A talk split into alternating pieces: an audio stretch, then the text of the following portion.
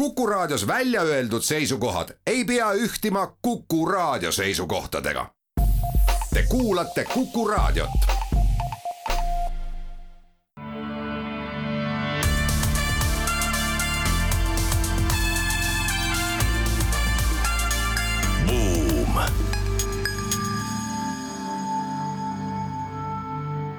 Tere päevast, on viieteistkümnes juuni kahe tuhande kahekümne teine aasta, oleme taas eetris Buumi saatega, saatejuhid Anto Liivat ja Ott Pärna. tänase saate läbivaks teemaks on krüptoraha ning uudisteploki avame aruteluga selle üle, miks on krüptoturu väärtus esimest korda pärast kahe tuhande kahekümne esimese aasta algust kukkunud alla ühe triljoni dollari siis lähme edasi mängutööstusega, selgub, et krüptoraha ja tookenid on ka sinna jõudnud ja selle väärtust kasvatamas.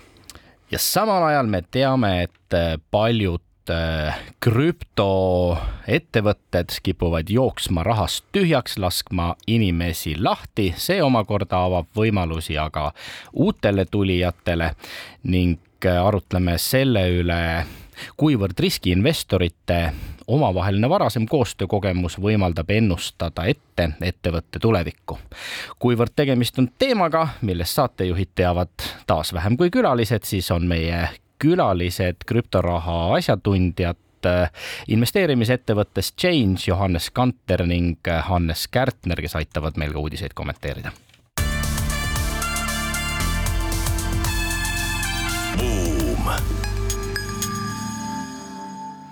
Nii nagu lubatud sai, räägime krüptoturu langusest. küllap paljud majandushuvilised on kursis sellega, et Bitcoini väärtus on kukkunud tipust arvestades umbes kolm korda umbes kuuekümne tuhande dollari pealt siis kahekümne peale, keegi ei tea täpselt, mida toob homne päev, aga krüptoturg maailmas tervikuna on langenud alla ühe triljoni. Väärtuse, niisamuti on languses aktsiaturud ja, ja selle triljoni lähedale jõudis ju krüptoturg juba kahe tuhande kaheksateistkümnendal aastal. Nüüd on toimunud vist tõsine korrektsioon, kas sellest võiks eeldada ja oodata pikemaajalist langust, millest paljud aktsiaturgude asjatundjad järjest rohkem räägivad mm? -hmm. ma võin äkki alustada siis või? jah, palun. Johannes Kanter, siis mina siinpool, et ma arvan, et krüptoturg ei ole nagu selles mõttes väga palju erinev kõikidest muudest nagu turgudest ja varaklassidest, et äh, kuna jah, nagu sa ka mainisid, siis ka see langus on mujal sektorites et lihtsalt kuna krüptoturg ise nagu tervikuna ei ole veel niivõrd arenenud ja niivõrd suur, äh, niivõrd nagu siis suure väärtusega nii-öelda, et igasugused muutused, mis muud, mis mujal nagu äh, sektorites toimuvad, äh, nii-öelda siis tõlgenduvad veel suuremini või agressiivsemalt nii-öelda siis krüptoturul, et kui sul ongi selline nii-öelda hi-, hi, nii-öelda siis hirmutulu rohkem, siis krüptoturul on seda hirmu tõenäoliselt veel rohkem ja kui sul on just nagu niisugune eufooria ja positiivne sentiment või see nii-öelda siis ähm, Äh, jah, turul, siis, siis see nii-öelda tekib sinna krüptotulule seda veel rohkem juurdegi Johannes, ütle, kas see krüptoturu, ma saan aru, sa ütled küll, et ta on nagu teine varaklass ka, kui me räägime mingit, ma ei tea, kütustest näiteks mm, -hmm. me kujutame ette, et kuskil on mingid tsisternid ja mingisugune päris kütus, on ju. aga see krüptoturg, on ta nagu püramiidskeem, on ta nagu Bonsi skeem või ta on midagi nagu päris asja, mis vahe on püramiidil ja Bonsil, siis teatavasti on püramiid on lihtsalt selline nii-öelda petuskeem, kus on, kui sedavõrd, niikaua kui on ostjaid, raha sissepanijaid rohkem kui neid, kes kätte tahavad saada, on asi püsti, enam ei ole, siis kukub kokku ja Bonsi skeem on siis selline, kus mängitakse, et tegelikult meil on mingi mingi ettevõte, mis on õudselt palju väärt ja, ja mille arvelt siis kogutakse raha kokku, et tahad sinna investeerida, natuke nagu Tesla aktsia, on ju, aga mm -hmm. siis selgub, et tegelikult on väärt küll, aga kolm korda vähem, on ju. Mhm. et mis see krüptoturg õigupoolest on?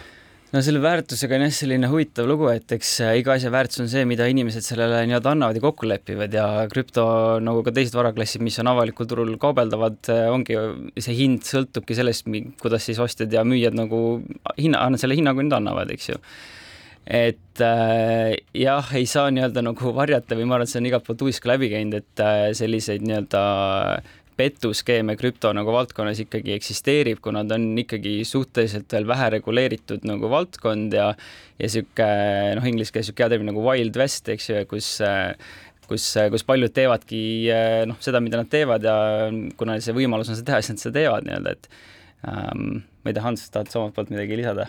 ma arvan küll, et püramiidskeemidel on ikkagi alati see lubadus, et anna meile oma raha, me pakume sulle hästi kõrget tootlust. ja krüptorahade puhul ei ole otseselt kedagi, kes sulle pakuks mingit kindlat intressi ja kui sa vaatad krüptorahasid nagu Bitcoin, siis tegelikult mitte keegi ei reguleeri seda otseselt, et kes seda nagu jooksutab. et selle looja on juba ammu lihtsalt teadmata pikemat aega, et see on anonüümsena loodud. ja siis järelikult tulebki, et see on lihtsalt ostjate ja müüjate vaheline kokkulepe, et kas on nõudlust või ei ole nõudlust. ja praegune turuhind lihtsalt tulebki sellest, et on pigem müüjaid ja pigem on see usaldus ja see hinnasentiment on läinud lihtsalt pisut äh, madalamaks. kahe tuhande kuueteistkümnendal aastal oli Bitcoini väärtus tuhat dollarit ja nüüd me oleme hirmus mures, et Bitcoini väärtus on ainult kakskümmend tuhat äh, dollarit, sest vahepeal me harjusime ära sellega, et võiks olla viiskümmend tuhat ja rohkem. sina, Hans, oled tundnud krüptoraha vastu huvi umbes viimased kümmekond aastat. Mhm. millal sina esimesed Bitcoinid soetasid ja, ja kuivõrd peaks Bitcoinide kõrval ikkagi vaatama ka teisi krüptorahasid optimistliku pilguga? Mhm. hea küsimus. siis, kui ma alustasin, siis oli Bitcoini hind umbes seitsmesaja euro kanti ja panin oma esimesed viiskümmend eurot sisse ja vaatasin, kas turg läheb üles, siis on hästi, või turg läheb alla, no siis vahet pole, on ju, panin väikse raha sisse. ja vähemalt ma sain inimestele öelda, et mul on mingi kogus Bitcoine. ja üle aastate, juba kaks tuhat kolmteist, kaks tuhat neliteist oli pikem karuturg, et turud kukkusid kaheksateist kuud järjest. et see ei ole mitte midagi uut krüptomaailmas, kuna see ongi nii noor turg, nii uus valdkond, siis on investoritel alati raske hinnata, et mis peaks parasjagu krüptoväärtus olema. et seal on erinevad strateegiad ja aktsiate puhul on kindlad meetodid, kuidas investorid hindavad, kui palju see aktsia peaks olema väärt, kui palju see firma teenib ja kuidas me hindame selle aktsia hinda, hinda parasjagu. aga krüptomaailmas igal investoril on oma lähenemine. osad vaatavad, et okei okay,, Bitcoin on jube kallis praegu, teised vaatavad, oh, see on just õige aeg ostmiseks. et laias mastaabis ma soovitan hästi pikaajalist lähenemist, sest kui me vaatame turutsükleid, nelja-aastaseid tsükleid, siis ma arvan, et meil on tõesti võib-olla selle viimase tsükli lõppemine ja ootame just järgmist. et krüptoturul vaadake pigem pikka pilti samal ajal kõik see, mis ikkagi praegu krüptoturul toimunud on, omab puutumust ka reaalse eluga ettevõtted äh, nagu äh, kauplemisplatvorm äh, Coinbase lasevad inimesi lahti mm. tuhandete kaupa ja, ja samal ajal Wall Streeti regulaatorid ütlevad, et tulge töötage koostöös meiega, investeerimispangad püüavad neid inimesi tööle võtta. Miljardeid ja, ja miljardeid on kirjutatud äh, korstnasse, Celsius, kelle portfell on kaksteist miljardit äh, dollarit, äh, ütles, et nad peatavad kõik tehingud, sest tegemist on erakorralise olukorraga. sa ütlesid ennist, et ei ole midagi erakorralist, aga, aga ettevõtjad ütlevad, et asi on ikkagi tõsiselt jama. Celsiusel on pisut tõesti keeruline olukord, sest nende portfell oli kaksteist miljardit, miljardit dollarit või isegi rohkem. ta oli kakskümmend neli aasta tagasi. oli jaa, vähemalt kakskümmend miljardit. ja nüüdseks on see viimaste andmete kohaselt vist isegi alla viie miljardi. nii et sellepärast nad pididki kõik need raha väljavõtmised vahepeal kinni panema, sest see likviidsus oli täiesti kadumas peaaegu üleöö. teatud põhjuse tõttu, ütleme, väga sellesse ei süvene, aga jaa, likviidsusprobleemid et kuna see turg nii järsult on olnud kukkumas, siis see võib päris paljusid firmasid mõjutada üsna rängasti. meil Changes oleme olnud üsnagi valmis selliseks suureks turu kukkumiseks ja meil ei ole plaane töötajaid koondada, vaid hoopis, et võimegi uut talenti leida ja hoopis oma firmat veel edasi kasvatada.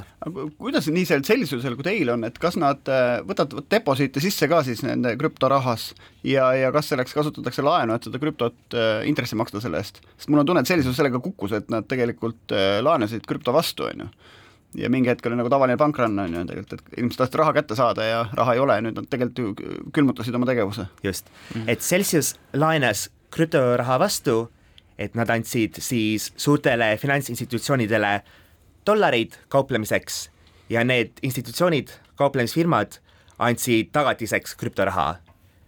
ja kui see laen ei ole õigel ajal tagasi makstud, siis on Celsiusel võimalik see krüptoraha siis rahaks likvideerida. ja kui see tagatisväärtus kahaneb, siis on Celsiusel ka õigus see krüptoraha maha müüa. ja kuna neid laene nad pididki hakkama likvideerida, likvideerima selle tagatise väärtuse kahanemise tõttu, siis see mõjutas hästi palju neid erinevaid kauplemisfirmasid ja nemad hakkasid raha sealt Celsiusest välja võtma mm ehk siis üsna sarnane sellele, mis äh, on toimunud äh, ajaloos äh, palju kordi traditsioonilisemate finantsinstrumentide ja, ja institutsioonide kauplejate puhul. kuulame vahepeal ära kaubanduslikud teadaanded ning seejärel jätkame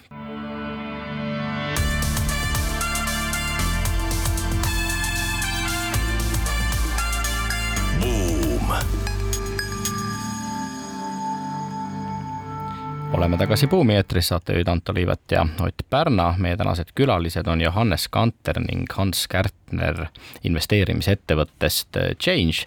räägime ennekõike krüptorahast, aga krüptorahast rääkides ei saa üle ega ümber Web3-st või metaversumist või uue põlvkonna internetist, kui, kui esimese põlvkonna internet Äh, võimaldas meil äh, lugeda mingisugust äh, digikujul esitatud materjali, siis interneti teine põlvkond võimaldas meil sisu luua, aga see sisu suuresti kuulus neile, kelle platvormidel me seda sisu lõime. järgmine põlvkond internetist peaks võimaldama saada ise ka eh, oma loodud sisu omanikuks ning seetõttu paljud ettevõtted eh, panustavad investoritena mängutööstusele, mis on eh, selgelt andnud hoogu ka krüptorahade arengule ning üks investeerimisfond on sada miljonit dollarit paigutanud Lõuna-Koreasse eh, selleks, et uue põlvkonna arvutimängudelt eh, kasu lõigata ning mängutööstus on ühtlasi ka üks maailma kõige muljetavaldama kasvu ja arenguga tööstusi, mille koondväärtuseks arvatakse olevat circa kakssada miljardit dollarit et eh, mis seal Lõuna-Koreas nii atraktiivset on, Hans, sina oled seal eh, ka aastaid veetnud mm. -hmm. ma olin Koreas kaks tuhat seitseteist, kaks tuhat kaheksateist ja see oli just tollase krüptobuumi tipphetkel. et Koreas oli veel tol ajal ka veel hinnad olid kõrgemad, kuna raha välja liigutamine riigist oli piiratud siis tänu sellele olid krüptohinnad seal isegi viis protsenti, kümme protsenti ja kuni nelikümmend, nelikümmend viis protsenti kallimad kindlatel hetkedel. ja seda hinnavahet nimetati kimchi premiumiks, et lihtsalt, et see Korea turul olid täpselt need hinnad pisut kõrgemad. ja miks Koreas krüptoteema ja mänguturg on nii suured, on seepärast, et Koreas on juba see ühiskond mõlemad asjad omaks võtnud ühelt poolelt, et krüpto poolelt on inimestel hästi suur see nagu riskialtidus, et nad julgevad raha panna riskantset, riskantsematesse investeeringutesse ja nad on nõus võib-olla sellest ilma jääma, aga võtma suure riski, et äkki saavad rikkaks. ja ka mängutööstus on olnud Koreas hästi suur teema Koread nimetatakse äh, e-spordi kübermängude mekaks, et see on seal hästi suur teema ja Koreas on mängutööstus üks äh, suuremaid tööstusi üldse, samal ajal raha peale mängida seal ei tohi. ei tohi. seega, kust peaks raha tulema ja kuidas need investeeringud ennast ära tasuvad? ütleme, kasiinomäng on pisut teine teema kui mängutööstus. Et kui me räägime metaversumist, siis see on pigem mitte kasiino peale mäng, raha mängimine, vaid pigem digitaalsed äh, ruumilised keskkonnad, kus sa saad oma sõpradega kokku, kus sa saad erinevaid äh, kogemusi kogeda ja ringi liikuda erinevates maailmades. ja miks me- metaversum on nii kuum teema, on kuna ka suurfirmad tahavad inimeste tähelepanu praegu kätte saada ja nad ootavadki, et inimesed veedaksid suure koguse oma vabast ajast nendes digitaalsetes maailmades no üks asi, mis digitaalsete toodete puhul on omapärane, et nad on skaleeritavad. ehk siis nendega sa ei pruugi äri teha Lõuna-Koreas, isegi kui seal on midagi keelatud. Lõuna-Korea teadupärast on umbes viiskümmend üks miljonit inimest, umbes sama palju kui Läänemere ääres elab siin inimesi, kui me mõtleme riigid ja siis mõned Saksamaa ja Venemaa provintsi siin kokku. et ta on meie mõttes on ta suur riik, seal noh, ütleme Aasia on neli ja pool miljardit inimest, on ju, noh, Lõuna-Korea viiskümmend üks miljonit inimest, eks. ehk siis, et kui sa võtad juba ainukese Aasiat ja kui mõtled, et, et Lõuna-Korea võiks saada mingit tüüpi haabiks Aasias, nad on saanud ju tegelikult filmitööstuses mm. ja muudes sellistes loovmajanduse mõttes et siis noh, ma saan täitsa aru, miks sinna panustatakse. ja siin mõned äh, kuud tagasi tuli uudis välja, et, et seal lausa riiklik projekt teha sellist metaverse'i või sellist äh, riik, noh, virtuaal Second Life'i Koread nagu mm., et, et äh, olete sellega kursis, mis nad seal teevad ja kas Eestil on midagi snitti võtta? ma arvan, et Eestil võib-olla mingit inspiratsiooni võib tõesti võtta, sest kui me vaatame Eesti mängutööstust, siis on see pisut jäänud meil tagaplaanile, et potentsiaali väga palju on, meil on hästi palju andekaid noori, kes on mängutööstusest väga huvitatud. Ja meil on olnud oma väiksed mängutööstuse kommuunid, kus inimesed arendavad oma mänge, aga see on tasapisi ikkagi hästi vaikseks jäänud. et osad arendajad muidugi ise putitavad midagi, aga meil on potentsiaali roh-, rohkem jaoks. Ja natuke, et konteksti panna, siis noh, mängutööstus, Anto ütles, on tänane väärtus circa kakssada, kakssada miljardit, hinnatakse aastaks kaks tuhat kakskümmend kaheksa, et on viissada nelikümmend viis miljardit juba väärtus, rohkem kui kaks korda kasvab siis nende aastatega. ja võib-olla võrdluseks kõrvale panna, siis Lego väärtus täna on üheksa miljardit, on ju. ehk siis, et kümme Lego on üheksakümmend miljardit alles, on ju, ja hinnatakse, et turg läheb siis sinna kuuesaja miljardi juurde aga kuidas ikkagi seal mängutööstuses raha tehakse? igal inimesel peaks tekkima selles metaversumis võimalus olla iseenda loodud sisu peremees ning selleks on siis võimalik opereerida ka NFT-dega, mis on selline digitaalsete varade noh, nii-öelda eriklass, mingisugune unikaalne väärtusühik, mida ei saa vahetada, ei saa jagada väiksemateks väärtusteks nagu, nagu krüptovaluutasid. kaugelt vaadates on see NFT lihtsalt näiteks kolm mulli või mis iganes muu, muu pilt, lihtsalt see kolm mulli on kõige kallim, peaaegu saja mm. miljoni dollariga vist äh, rahaks tehtud nähtus. jah, aga selles mõttes ta ikkagi nii-öelda sümboliseerib midagi, mis sel hetkel oli nagu oluline või noh, näiteks ma ei tea, ütleme digitaalses ajastuses ongi, sul on, ma ei tea, sotsiaalmeediaplatvorm Twitter, Twitteri esimene tweet, mis üldse kunagi tehtud ja keegi on selle nagu siis konverteerinud NFT-ks, et see on nagu üks asi, mis nagu on unikaalselt nagu kuidagi ära sildistatud, et keegi teine ei saa seda nii-öelda nagu omada, et see ongi nagu saad seda kasutada, saad seda kuskil oksjonil müüa ja nii edasi. et ma arvan, et just kui sellest mängutööstusest rääkida, et sul on samamoodi, et sul ongi mingisugused äh, näiteks toimuvad mingisugused mängud, kus keegi seal võidab kedagi, toimuvad mängud võib-olla mingisuguste, ma ei tea, kuulsate inimeste vahel näiteks, kus ma ei tea, ütleme, ongi Elon Musk versus Jeff Bezos mängivad seal mingit jalgpalli ja siis see auhind ongi mingi virtuaalne karikas nii-öelda, see NFT nii-öelda, mis siis hiljem võib-olla Elon Musk otsustab selle nagu ära müüa ja ma kujutan ette, et niisuguse nagu NFT järgi on nagu väga-väga suur oksjon pärast et ja siis sa saadki olla see üks äh, krüptoinvestor, kes ütleb, et aa, mina oman seda Elon Musk'i karikat näiteks, mis Eks ta võitis. ehk siis see token annab nagu võimalusele selle digitaalsele sisule anda mingi usutav väärtus ja kinnitada, et sina oled selle omanik, kasutades sedasama plokk, plokkide Mhm. ahela tehnoloogiat, eks. ja ajatemplit ja muid seal juures on ju, ma saan aru. jõuame siia uudisteploki lõppu, rääkida ühe värske loo veel eh, sellest, et Academy of Management Journal, tuntud juhtimistemaatiline teadusajakiri, on avaldanud uuringu tulemused, mille põhjal kipub sõltuma investorite või riskiinvestorite profiilist see, kas ettevõte omandatakse mõne suurema ettevõtte poolt või noteeritakse tema aktsiad äh, börsil jah, ja uurijad toovad välja siin kahte tüüpi kooslused siis, et ühed, kus on investorid varem ka kuhugile investeerinud koos, ehk siis nad tunnevad üksteise käekirju ja need ettevõtted on, või need investorid ja nende omanduses olevad ettevõtted on tõenäolisemalt müüakse üles järgmise nii-öelda raundi investoritele ehk siis suuremale ettevõttele müüakse maha ja siis et, investorid, kes on esmakordselt kokku saanud, siis tõenäosus, et nende investeering A, kas läheb pankrotti, nii-öelda käsi kullas või tagumik mullas mõnes mõttes, kas läheb pankrotti või läheb börsile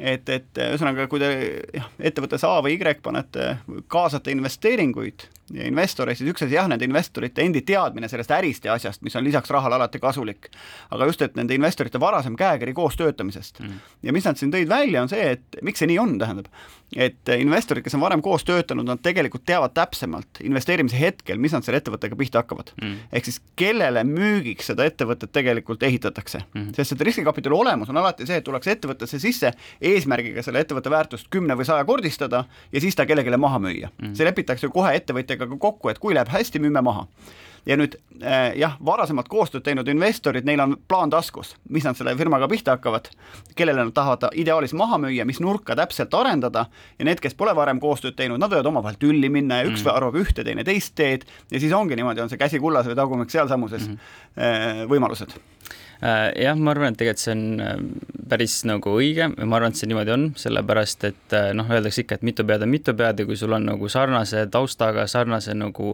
mõtteviisiga inimesed koos, nad nagu noh, täpselt teavad, mille poole nad pürgivad. Ja see on tegelikult nagu, kui sa mõtled mingi ettevõtte tiimi peale, siis ka, et kui sul on nagu lihtsalt kamp inimesi kokku pandud, kes midagi teevad ja neil pole nagu niisugust ühtset nagu tiimi niisugust vaimu, et siis noh, asjad ei pruugigi nagu väga hästi minna nii-öelda. Ja et noh, näiteks kui näiteks võib-olla Äh, siin mõelda veel, et äh, ettevõtted, kes on näiteks ühisrahastatud, et sul ongi nagu hästi palju investoreid hästi erinevate taustadega nii-öelda, et äh, üldiselt need ettevõtted on vähem atraktiivsemad just nende riskiinvestoritele, VC ettevõtetele, just sellepärast, et sul ongi nagu neid hästi palju juba investoreid seal ees nii-öelda. et nad pigem tahaks olla nagu üksi, ise omada seda suuremat pakki ja ise nagu saada seda täpsemat kontrolli, mis me teeme, kuidas me teeme nii-öelda, kellega me teeme kuulame taas ära kaubanduslikud teadaanded ning seejärel arutleme krüptoraha ning äh, internetiavaruste tuleviku üle edasi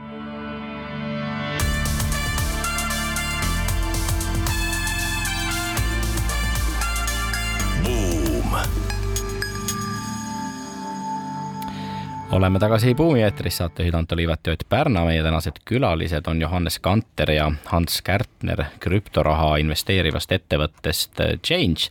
Ning räägime nüüd veidi põhjalikumalt äh, lahti äh, selle, mis on krüptoraha, mis on digitaalraha, kuidas neid jaotatakse ja loomulikult kes ning kuidas võiks kaaluda krüptovarasse investeerimist. Äh, aga sissejuhatuseks veel kord, me kõik teame Bitcoini, äh, mis on kõige tuntum krüptoraha, aga mis ta siis tegelikult ikkagi on?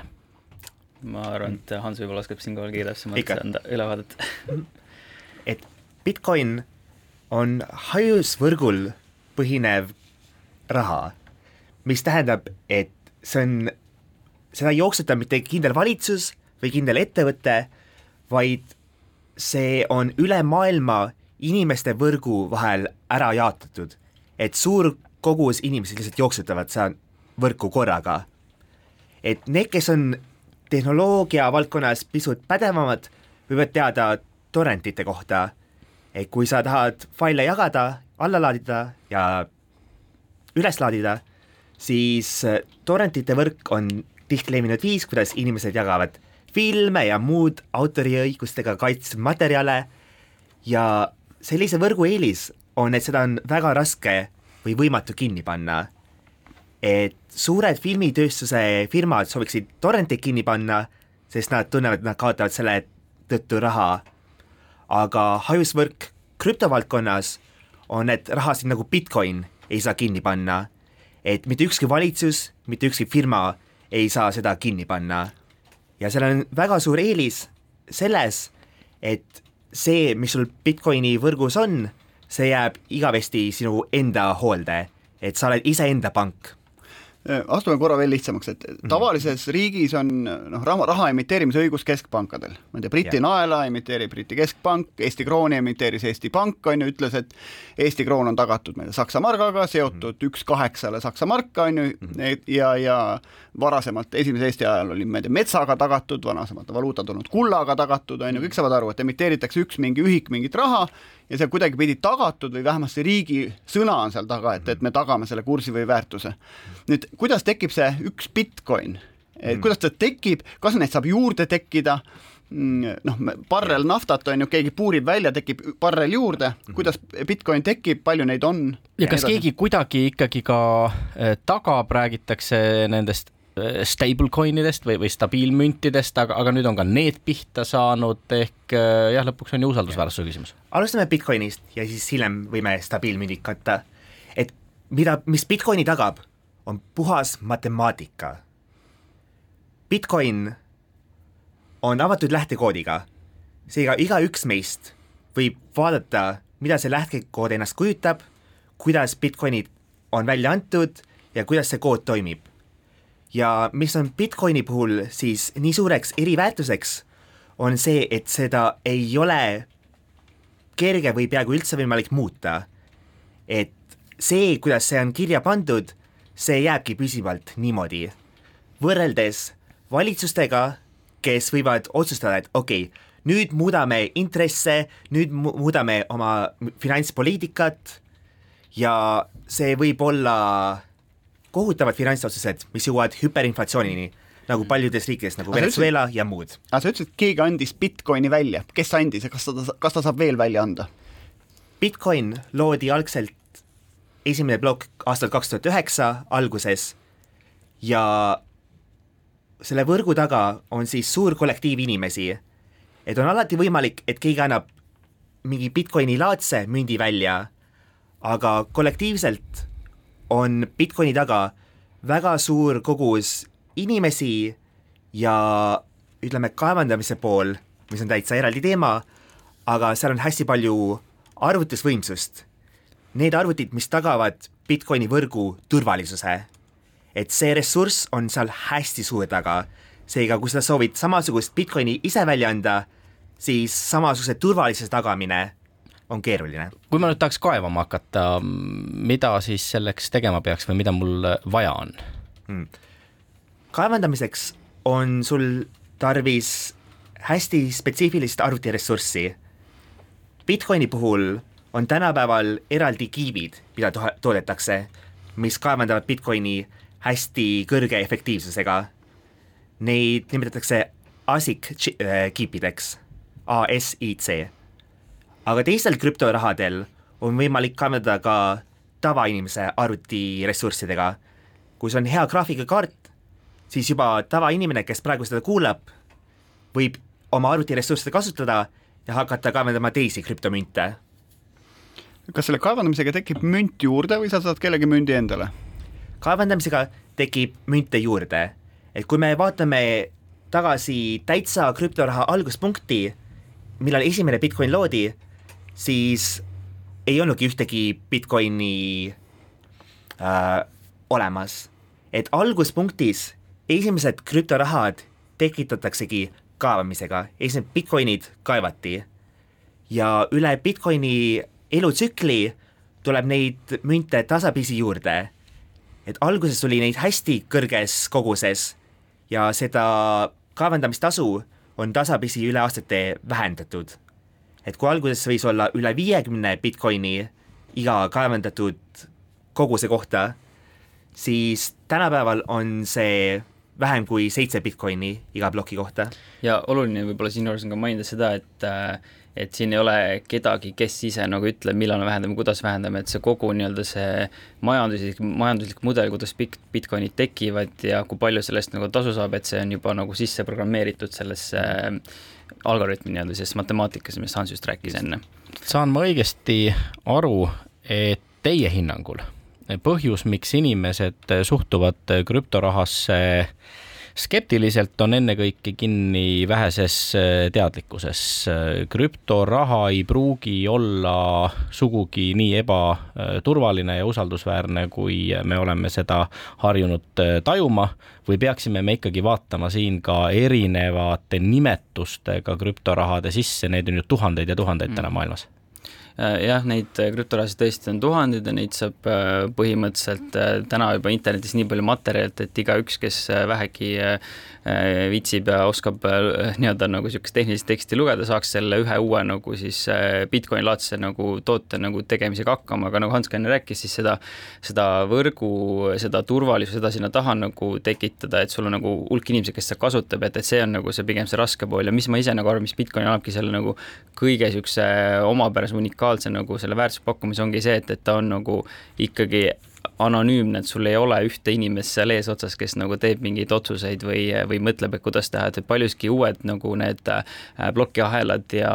ja need äh, protokollid, mis on loodud, seal tavaliselt on kas mingi tiim taga või seal tavaliselt on mingisugune üks inimene taga, kes nagu mõjutab hästi palju selle nagu äh, selle, selle konkreetse varaklassi siis seda nagu käiku, et noh, näiteks teine populaarne krüptovara on see Ethereum, mis on hästi populaarne mõeldud just nagu niisuguste programmeeritavate äh, lahenduste loomiseks äh, kus eesotsas on üks äh, härra, äh, Vitalik Buterin, kes näiteks ütleme, et kui ta ühel hetkel ütleb, et kuule, ma lõpetan ära selle äh, projekti tegemist, ma rohkem ei taha, mille peale tõenäoliselt Ethereumi hind nagu võiks päevapealt nagu täitsa kokku kukkuda, lihtsalt see usaldus kaob ära. kui ma jätan oma rahakoti võõras linnas laokile, võidakse mu raha ära varastada, kas minu digitaalsest rahakotist krüptoraha on võimalik ära varastada? Äh, krüptorahaga on niimoodi, et äh, seda hoida võib siis mitmes kohas, et äh, kõige sellisem populaarsem ja levinud koht tavaliselt näiteks võib-olla siis tavakasutajate jaoks on see, et sa hoiad seda siis ettevõtte juures, kus sa selle, selle mündi siis omandad, näiteks kui sa teed endale Change'i kasutajakonto, sa kannad sinna eurod peale, ostad oma eurode eest siis selle Bitcoini ja siis hoiadki Change'i äpis endale seda Bitcoini. sellisel juhul ongi siis nii-öelda nagu selle Bitcoini nii-öelda siis otsene omanik tegelikult Change, umbes sama nagu sa võid viid panka raha, siis tegelikult pank on otsene omanik sinu rahale. Äh, mis sa saad teha, et nagu tagada seda äh, turvalisust veel rohkem nii-öelda, kuigi ma ei ütleks, et äh, change ei ole turvaline, muidugi absoluutselt on, oleks siis see, kui sa kannad selle Bitcoinis välja omaenda nagu siis era nii-öelda rahakotti, kus sa siis omad sellele rahakotile ka seda privaatvõtit, millega siis ainult sina saad seal ligi, mitte keegi teine ei saa.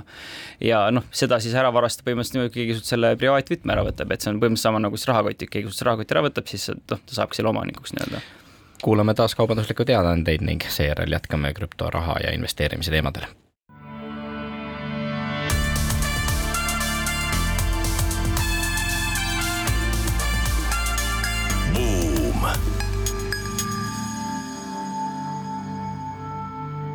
oleme tagasi Buumi eetris, saatejuhid Anto Liivat ja Ott Pärna. meie tänaseks eh, saate teemaks on krüptoraha ning külalisteks Johannes Kanter ja Hans Kärtner krüptoraha investeerivast ettevõttest äh, Change ning äh, investeerimisele ennekõike nüüd selles saateplokis keskendumegi.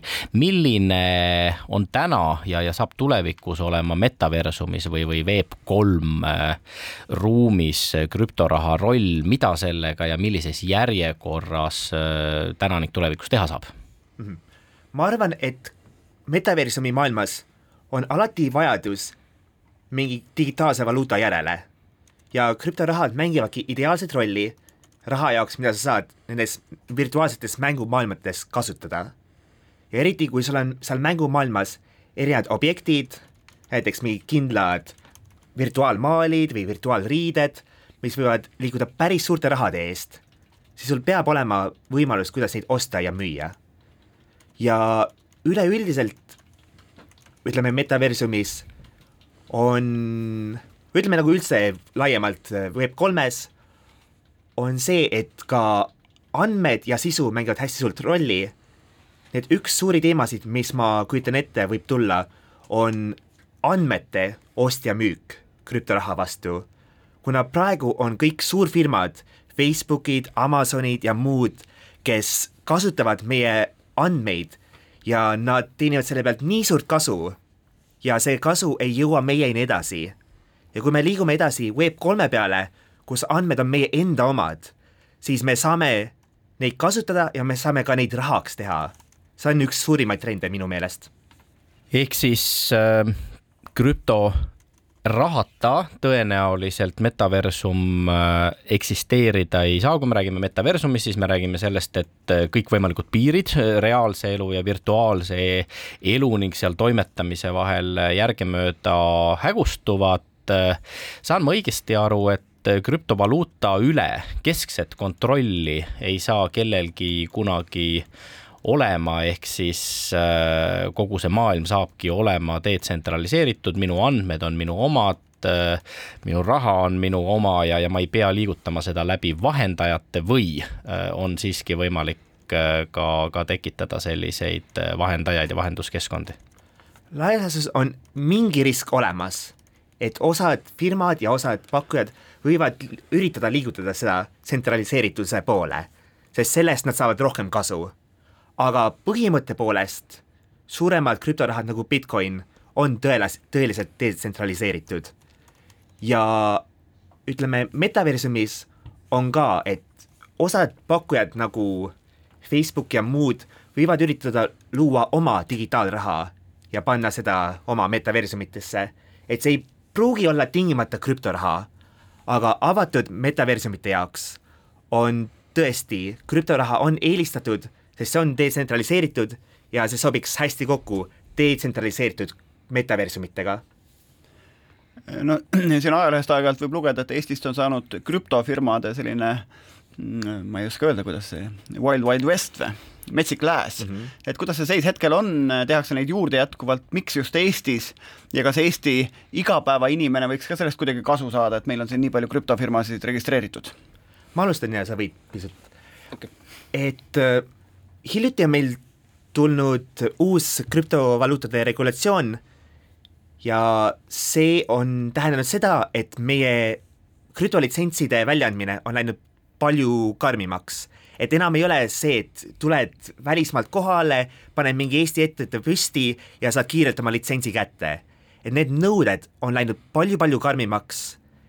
et oodatakse suuri kapitalinõudeid, oodatakse, et sul on tiim reaalselt Eestis kohapeal ja enam ei ole sellist teemat, et nagu kaks tuhat seitseteist, kaks tuhat kaheksateist oli, et välisfirmad tulid Eestisse kohale, said oma litsentsi kätte ja tegid suuri raha kaas-, kaasamisi.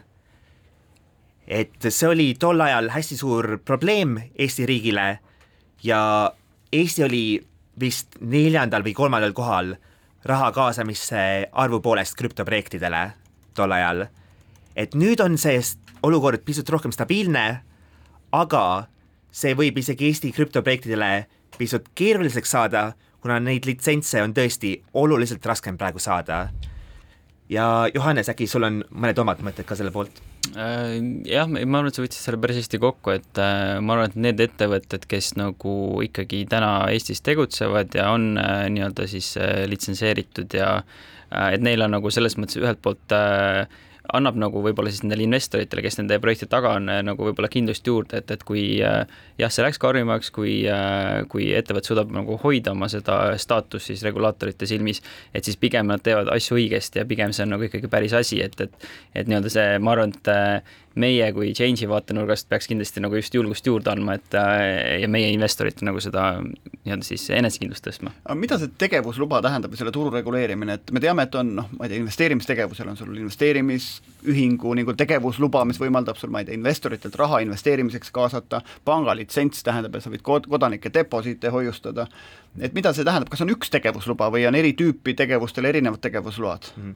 kunagi oli kaks eraldi tegevusluba aga nüüdseks on nad ühendanud selle ühe keskse tegenu-, tegevusloa peale ja peamine asi, mida see annab, on see, et sul on luba võtta, hallata oma klientide krüptorahasid oma platvormil, et ost, müük, vahetus ja sisse- ja väljamaksed mm.. ja noh, lisaks sellele Change'i poolt veel rääkides, et äh, hiljuti nüüd äh, see oli ka nagu avalikult siin mõned kuud tagasi räägitud, äh, Change omandas ka selle investeerimis nagu ettevõtte litsentsi siis nii-öelda, et, et saab pakkuda nagu neid äh, traditsioonilisemaid instrumente lisaks siis krüptorahadele äh,, mida me siis ka Change Appis teeme, et äh, kui nüüd kaaluda krüptovarasse investeerimist, siis mida millises järjekorras peaks tegema ning millisel juhul ja milliste summadega üldse võiks vaadata küpt-, krüptoraha poole? Jah, see on nüüd äh, see koht, kus äh, meie turundustiim ja äh, nii-öelda compliance tiim lihtsalt ütleb, et ei tohi mingeid hinna ja soovitusi anda siin, investeerimissoovitusi. aga, aga noh, ütleme, kui üldiselt lihtsalt vaadata sellist kõige niisuguseid klassikalisima investeerimisstrateegiaid, mis on nagu läbi aja nagu toiminud ja nagu pigem alati andnud häid tulemusi, on see inglise keeles niisugune hea termin nagu dollar cost averaging ehk siis sa teed selliseid äh, nagu osadena või fragmentidega investeerimisi kogu aeg turul, olenevalt sellest, kas turg läheb üles või alla nii-öelda. ja see on päris mitu korda on seda nagu tehtud ja arvutatud, et kui sa investeerid ainult äh, tippudes ja, või ainult nagu kõige alumises kohas, kus turg on nagu all, versus see, et sa kogu aeg pidevalt investeerid, siis üldiselt see strateegia nagu annab enamasti alati kõige paremat tulemusi, ta on hästi lihtsasti arusaadav äh, kõikide nii-öelda algajate investoriteks kindlasti, et võtadki näiteks mingi, ma ei tea, iga nädal investeerid sada eurot äh, erinevate projektide vahel näiteks laiali, erinevate aktsiate, erinevate krüptorahade või noh, mis iganes see summa olema, siis palju sa tahad investeerida nii-öelda. kui me saame aru, miks ettevõtte aktsiahind ühes või teises suunas äh, liigub või vähemalt arvame ennast aru saavat, siis mis ikkagi krüptovaluutade kurssi ennekõike mõjutab? Äh, no selles mõttes, et eks ta on ikkagi sama nagu ka muude valuutadega, et see on nagu kokkuleppe küsimus, et kuidas me nagu hindame, et üks või teine asi nagu midagi väärt on ja see hind kujuneb äh, enamasti välja nii-öelda siis äh, avalikul turul, kus sul on siis ostjad ja müüjad, eks ju.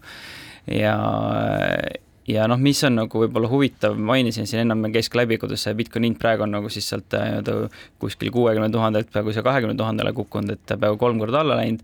et äh, ajalooliselt tagasi vaadates, siis äh, Bitcoini hind ei ole kunagi läinud allapoole oma eelmise tsükli tipust nii-öelda, mis siis oli umbes kakskümmend tuhat, sest noh, praegu me hakkame jõudma sinna samasse kohta. kas üldjoontes on niimoodi, et ma peaksin ostma mingisugust võrdlemisi vähetuntud krüptovaluutat ja lootma, et tema kasutajate hulk äh, ajas äh, kasvab, kui ma otsin äh, suurt tootlust?